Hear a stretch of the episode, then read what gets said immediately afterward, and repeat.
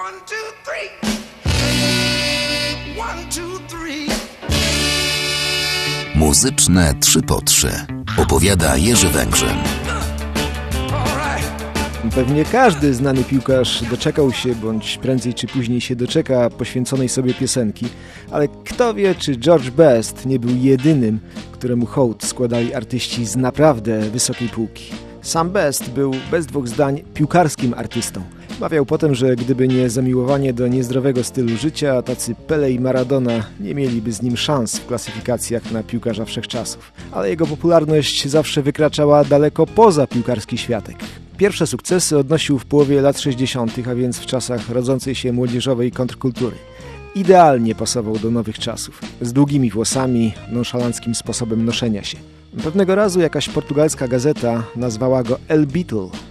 Wkrótce przydomek przyjął się na całym świecie. I tak piłkarza nazywano piątym Beatlesem. Początkowo czuł się nieswojo z zainteresowaniem, jakie wzbudzał, ale potem chyba nie miał nic przeciwko, skoro dzięki temu miał wszystko, czego zapragnął. A znany był nie tylko ze swego niewiarygodnego talentu, ale i zamiłowania do hulaszczego życia, które w końcu doprowadziło go do upadku. Skończył jako alkoholik i bankrut. Komentował to w swoim stylu. Większość pieniędzy wydałem na alkohol i kobiety, resztę przepuściłem. Był idolem wielu muzyków. Gdy grupa Tin Lizzy przymierzała się na koncertach do wykonania piosenki For Those Who Love to Live dla tych, którzy kochają żyć, Phil Lynott zwykł dedykować utwór swemu ulubionemu piłkarzowi.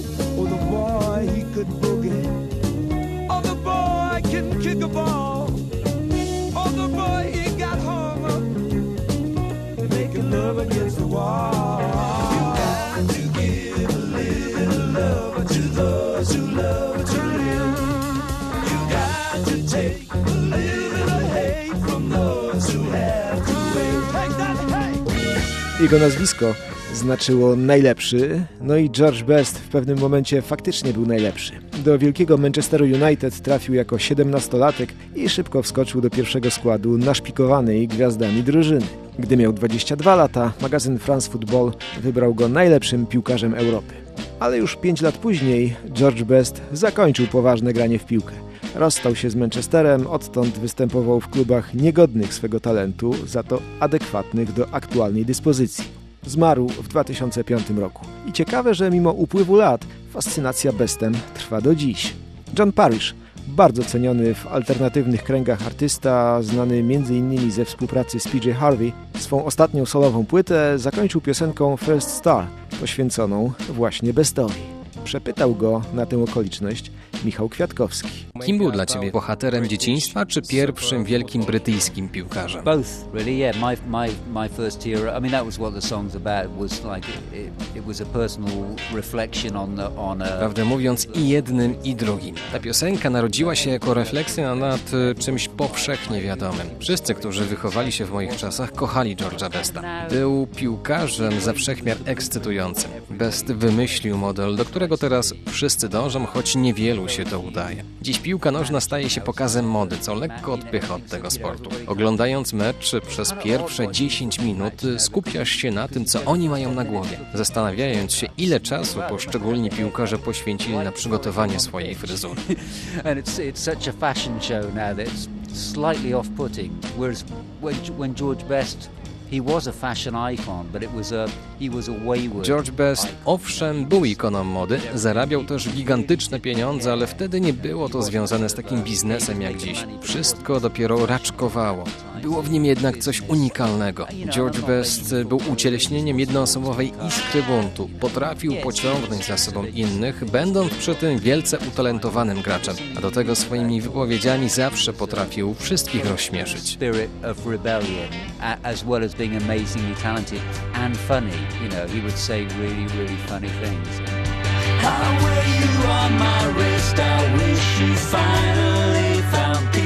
or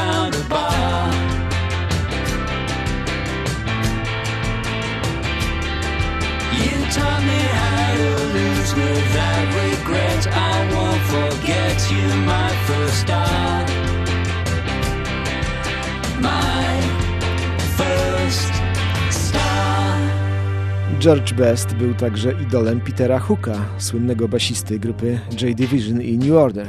New Order nagrali zresztą kiedyś muzykę do poświęconego Bestowi dokumentu, no a niedługo potem Hook miał przyjemność, czy też raczej nieprzyjemność, spotkania swego idola. Zobaczył go przypadkowo gdzieś w Hiszpanii podczas wakacji. To był już ten schyłkowy Best, kompletnie pijany, w towarzystwie równie nietrzeźwych kolegów próbował poderwać jakąś dziewczynę. Hook był zażenowany. Nie radzę poznawać swoich bohaterów napisał potem w swojej wspomnieniowej książce. Z kolei George Best w swojej autobiografii pisał tak. Od 17 roku życia chodziłem na alkohol jak samochód na benzynę. Kiedyś miałem u stóp cały świat, potem straciłem wszystko. Żonę, dom, pieniądze, szacunek do samego siebie, no i wątrobę. Opowiadał też pewną historię sprzed wielu lat, kiedy grał jeszcze w piłkę. Poderwał właśnie ówczesną Miss Świata. Najpierw poszedł z nią do kasyna, w którym dopisało mu szczęście, a potem do hotelu. Tam zamówił szampana. Po chwili pojawił się pracownik z butelką. Spojrzał na Besta, potem na rozczesującą właśnie włosy nagą dziewczynę, następnie na rozsypane wszędzie pieniądze. Best wręczył mu bardzo wysoki napiwek, będący, jak sądził, równowartością paru jego pensji. Spodziewał się, że zrobił na nim duże wrażenie. Ale zamiast wyrazić podziw, człowiek spytał go Proszę mi powiedzieć, panie Best, kiedy to się stało? Kiedy to wszystko zaczęło się sypać? Podobne pytanie zadał mu później również, ale już w piosence, Arthur Rojek z kolegami z Myslowic.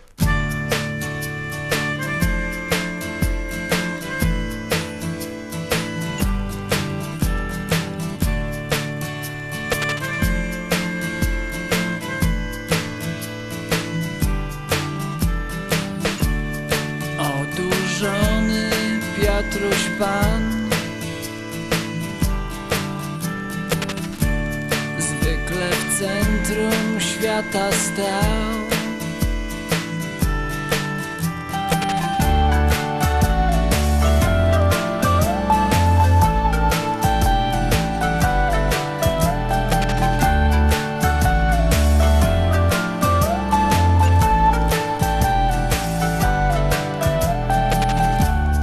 Wieczny chłopiec taki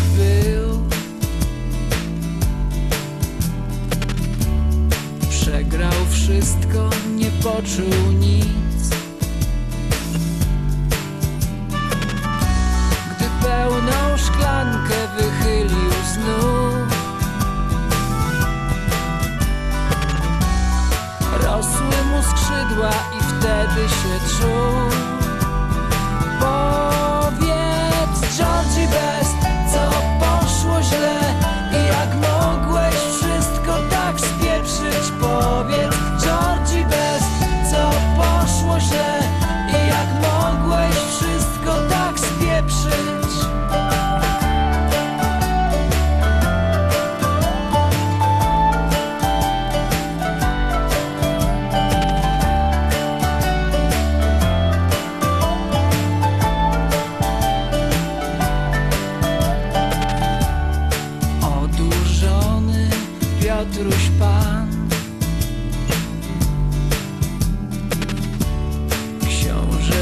Umiera sam. Spadając z krzesła mówił mi tak.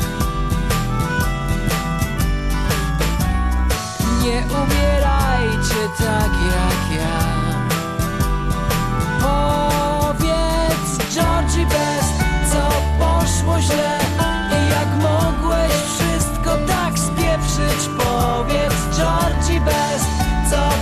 wyszło źle